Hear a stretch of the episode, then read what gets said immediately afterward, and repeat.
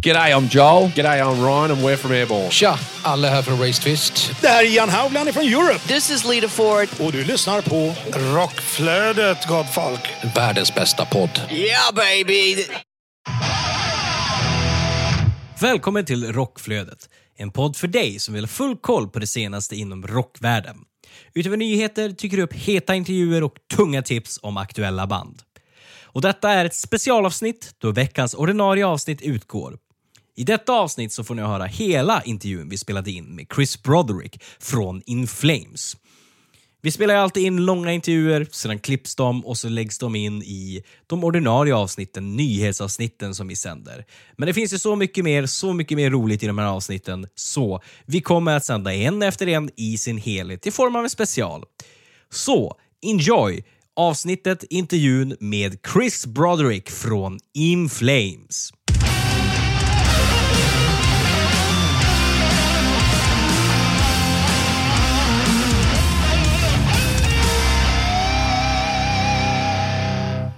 My name is Chris Broderick. I am a guitarist and I'm fortunate enough to play in the band In Flames.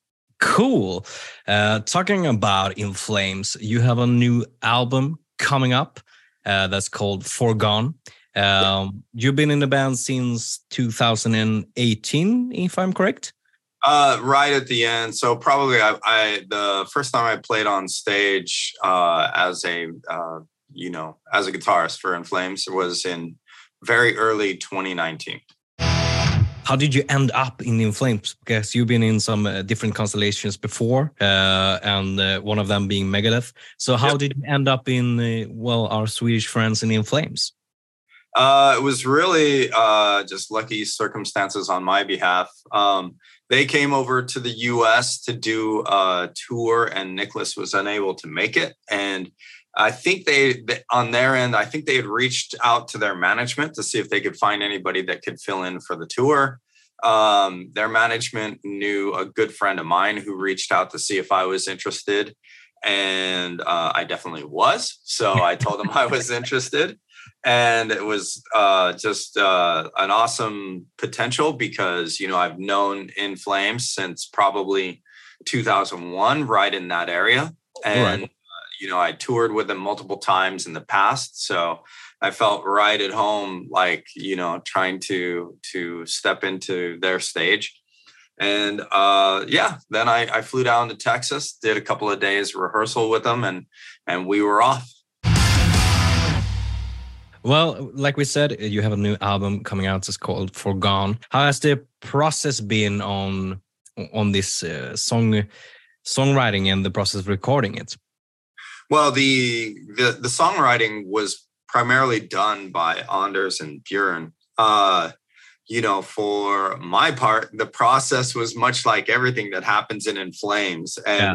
you just kind of fall into the process, and it happens extremely quick. And before you know it, you're done, and you're like, "What the hell just happened there?" Um so it was actually really fun you know i spent uh all of i think four days in the studio Yeah. and uh they let me noodle away and put my solos all over the place and uh i thought that was awesome. I had a great time doing it. Bjorn was there the whole time. He, sometimes he was playing engineer you know? Yeah. and so it was it was a good super relaxed time. How are the guys to, in in case of being a producer? Because I what I think is they, are they producing you when they when you are recording? Uh, no, I would say uh, Bjorn was more engineering. You know, Ah, okay, like, "Oh, let me yeah. see if I can run Pro Tools. You know, basically hit record and hit the, hit the stop button. You know, but uh, yeah, it was fun. Can you recall your like your first music memory when the music came more into your life? When um, yeah, but that would be really, really, really early on. Um, Yeah. yeah, I had I had a friend, and I remember that he he would always sing, and so I started trying to sing at the time. I mean, this was probably when I was probably eight, 8 or nine years old. So that's when I first, my very first memory of of thinking about music and the actual idea of uh, you know expressing yourself through sound. came along. Cool. And what kind of music was it? I don't even remember. Like I just remember my friend and and he- hearing everybody say he had a really good voice, so that kind of inspired me maybe to try and sing. And maybe who knows, maybe my voice was not so great, and that's why I play guitar. What was the first band or artist music that you were inspired from? You know, the I, I remember hearing Barracuda on the radio, and this was before I knew anything about anything. And uh, it was before any sort of of my brothers or my friends were like, "Oh, you got to check this band out." It was just I was just trying to go to sleep, and somebody had the radio on, and I hear that dun dun dun dun dun dun dun, you know, mm, and I'm like, "Oh, what is this?" You know, Yeah. and uh, so that was probably an early influence. But I think more of what you're after is when I actually started to pick up the musical ball and run with it. So it was bands like uh, Van Halen very early on. And then Mm. because I was a fledgling guitarist, I got all into the shrapnel players like Mhm. Jason Becker and uh, Marty Friedman, Paul Gilbert, and Yngwie, of course. You Yeah. know. Yngwie was huge and you know all of that stuff in my my influences and then uh for popular bands it was like Queensrÿche uh you know king diamond metallica dream theater and like Meshuggah later on once Mm. once it got into the 90s so at any rate um I always love shredding. I always love I, I love fast playing. Like I see it as a very musical kind of thing to raise the intensity of something, you know, to make something sound more pertinent um, or aggressive, you know. And I always have loved that that that style of playing. And of course, Yngwie fits that bill, of course. And uh, so, yeah, as far as bringing that to In Flames, I wouldn't say it was my exact intent to do that, but kind of if you're gonna have me play on an album, it's almost gonna happen that way a little bit, you know yeah. it's just going to be a part of it. But the one thing I will say is I definitely stepped into uh, foregone, uh, trying to think about what each song was asking for. Hmm.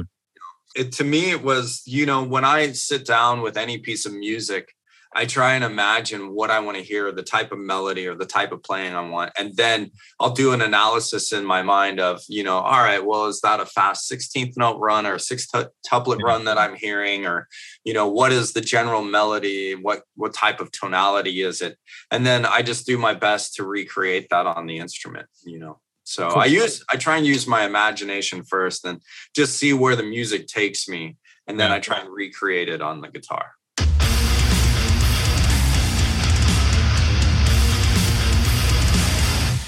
If we get back to, to the early days, so uh, because uh, what I understand, you more or less have played the guitar for the whole of your life. But uh, in case of bigger bands and bigger projects, it's more that you can read that you joined the Jag Panzer uh, in the in the mid '90s or something like that. How was that to join that band? It was interesting. It was uh actually the, the the friend of mine that actually started me playing guitar had mentioned that there was a band out of Colorado Springs, Colorado that um needed a guitarist to come in so that they could do a European tour. And I actually initially had turned it down because I just registered for like a full load of classes in college. And I was like, I'm, Yeah. you know, I'm not going to have time to do Yeah. this, you know? And a day goes by and I'm like, what are you doing? I'm like, those college buildings will always be there. Yeah, that sure. the, the tuition that they want to get from you will always be there, you know? Yeah. like they, they will always take your money to give you an education. So I'm like, I'm gonna take this opportunity and and see the rest of the world, you know. And so uh joining Jag Panzer was really the the beginning of the idea that you know take opportunities where you can get them and and when they arise you know you can't let that many of them go by before your trajectory is is ultimately changed forever and you don't get necessarily where you want to go you know Uh, did you get back to the school ever since Uh, that? no. that you- no i never did um They're on- still waiting for you to give them your money. yeah yeah, they are waiting for that. Um, but uh, the uh, the funny thing was is uh, it, it really was the beginning of a, of a path of showing me like you know the the really the on stage and the live performance aspect of playing guitar that didn't exist in my world until that point. Well, uh, speaking of bands that you've been in earlier, uh, you were in Megadeth from 2008 to 2014, if I'm correct. Correct. Yeah. Yeah. Uh, and I'm, and you know that you mentioned uh, Marty Friedman earlier and uh, stuff like that. Uh, how was it to play in, in Megadeth, and what would you say uh, is the biggest difference in playing in like Amer- American band like Megadeth and playing in like a Swedish death metal, uh, melodic death metal band like In Flames? Right, right. Um, for me, the the I mean, obviously, the genres aside, you know, Megadeth being more of a thrash band and, and Swedish being melodic death metal and and stuff like that. Um, for for my part, you know, getting into Megadeth was much more like having to fill a particular role that was already laid out for you. You know that that you were required to fill. It was like you were filling a position in a job. You know, Yeah. Whereas uh, in Flames was like getting together with your buddies again and doing some gigs on stage, you know. Yeah. So it was it was always much uh, more relaxed and and uh, kind of in fun, you know, doing goofy things on stage and you know razzing each other for it. You know, if Mm. if I would make a mistake, people would be like, "Oh, what did you do at that part?" You know, like how could you have screwed that part up you know or or in mid screw up you know i'll kind of look over at bjorn and i'll just see this little smirk on his face while he's keeping his head down You know, like all of that kind of stuff that you that you do with your best friends happens on stage with with in flames and so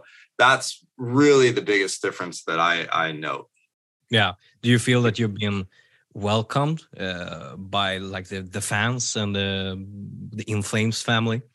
I think so for the most part. Yeah, you know, it's it's it's a tough thing. You know, I, I can't expect that everybody that comes up to me with classic in flames vinyl and stuff like that wants me to sign it. I totally understand that Yeah, because you know that's a different period in time with different people that they probably grew up with as maybe heroes or you know Mm. really strong influences and stuff. So I would never expect that kind of acceptance, but the people that come to see the shows i think are very like very happy and um they seem very thankful like for just being a part of the shows. And so that's really where i i am glad at the level of acceptance. It's not like they're saying what are you doing here on stage? or anything like that. So, That's great. They're not throwing stuff at you. yeah exactly well most of the time. Do you have like some um, lane because you have been in the band for oh almost uh, almost four years. Uh, tour wise, do you have any fun memory on the road, uh, both Uh, within the band or on stage?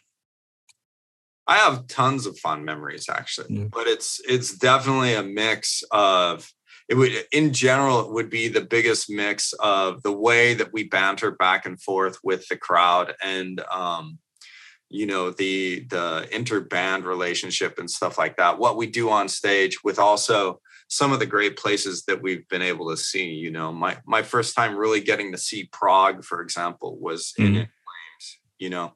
So experiences like that and just the people in general you know.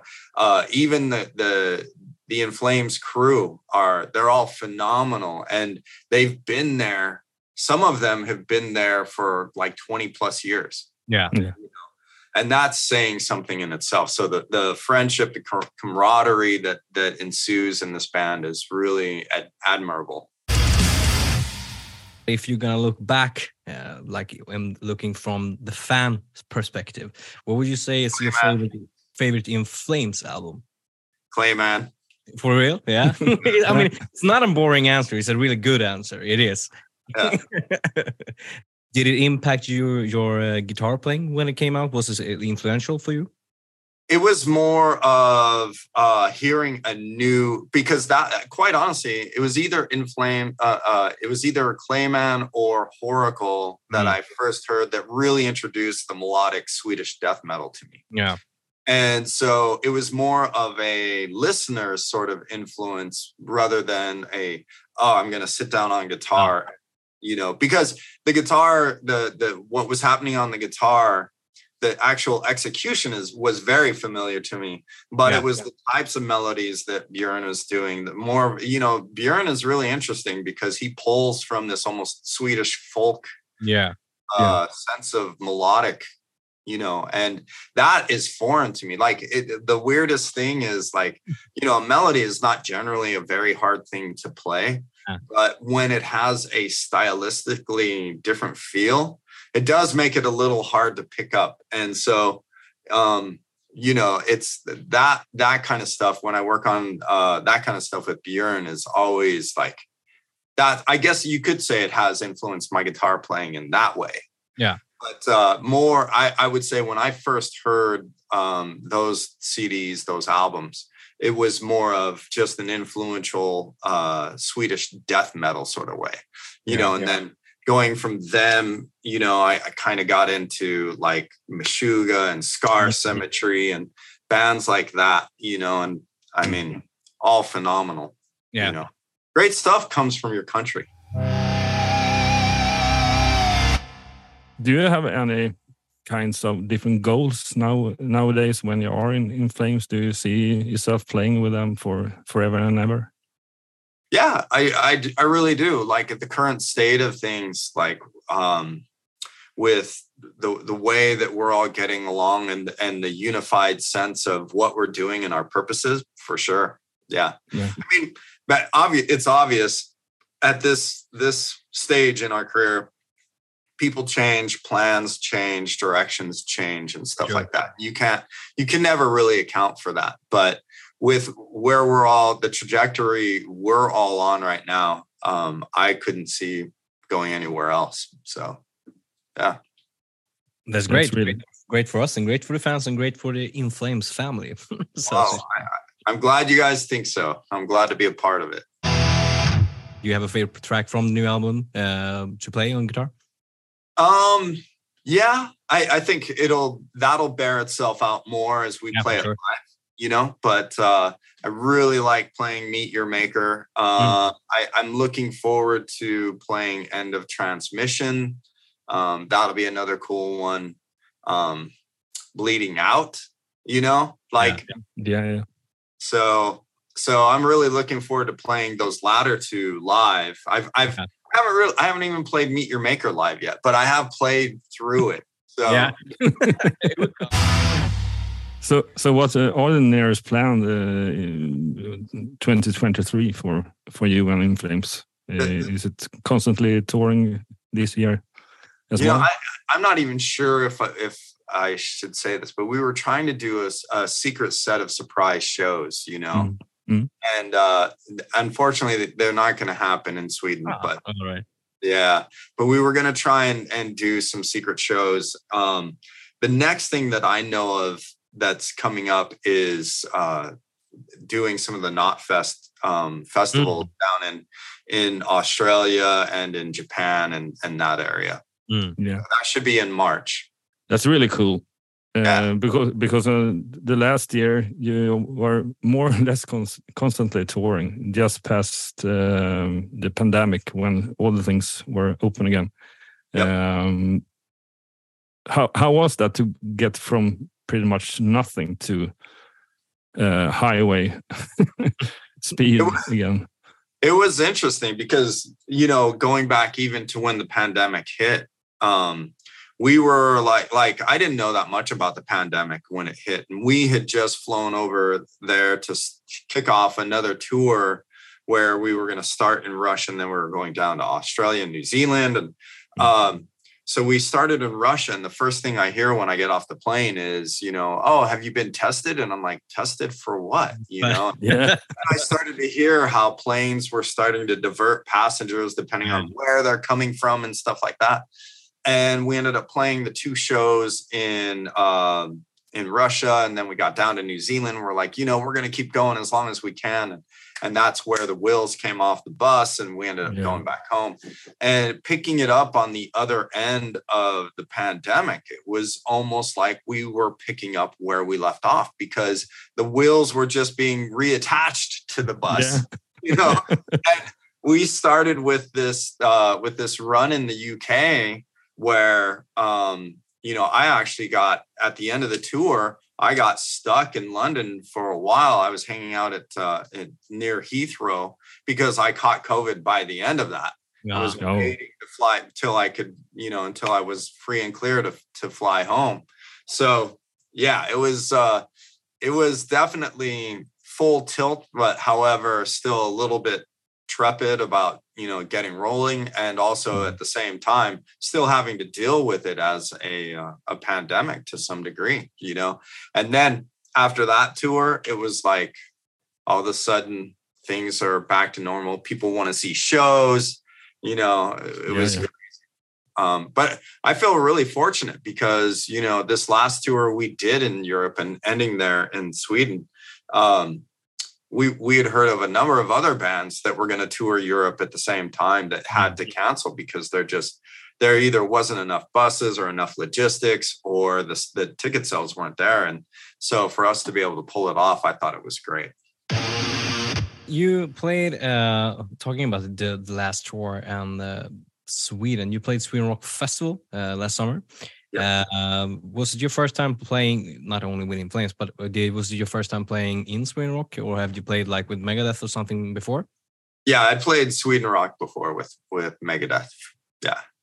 How do you feel about that festival? Uh, how does it compare to like the other festivals that you played on? Well, Of course, it's, it's hard to to compare them, but it is a special feeling on, on Sweden Rock, I must say, and it, it feels like well, In Flames also being a Swedish band, that uh, it's a very special crowd there. it, is something to be said about a hometown crowd you know and and they definitely give it for in flames like i think it is it's almost like a welcome home you know when you Yeah. step on stage in sweden so it's pretty amazing How do you feel when um, when you're coming with In Flames, like a Swedish band, and coming to the states and playing? Do you feel like people are coming to to watch you, all watching In Flames, and have you feel like you have your fans also coming to the shows? Um, sometimes, but I do think that there's more of that hometown kind of rhetoric that happens in Sweden for for the guys in In Flames than than it does here in the states. You know, um, and it's you know I've also seen it in other other countries as well. You know, if you head to South America, I think Mhm. there's a huge pride when they see a South American band play. You know, for a particular country down there yeah so so i i just think it's great to have that kind of you know that pride in your your your own you know it's almost like seeing your friends that have have gotten up and done good Yeah. Is there anything else you want the listener to know about you as a person? Do you have like other interests in hobbies or things like that besides the music? i definitely do i don't know that people need to know it about me but i you know, i love snow I- Probably don't know that they need to know it about you. yeah right um but i love snowboarding i love wakeboarding uh stuff like that and um you know overall i just want people to know that uh i really appreciate them like coming out to live shows and still making it that a part of like what they enjoy doing on their in their spare time you know? Because Yeah. you know let, let's face it too many people i think have gotten used to just going online and you know maybe a, you know watching shows that way or getting their music that way. And I, I think metal for sure is best experienced together and like interactively. That's the, the biggest thing for me is really getting on stage and seeing the energy of the crowd and i hope they feel the same. You know that's that's something you can't get from a computer screen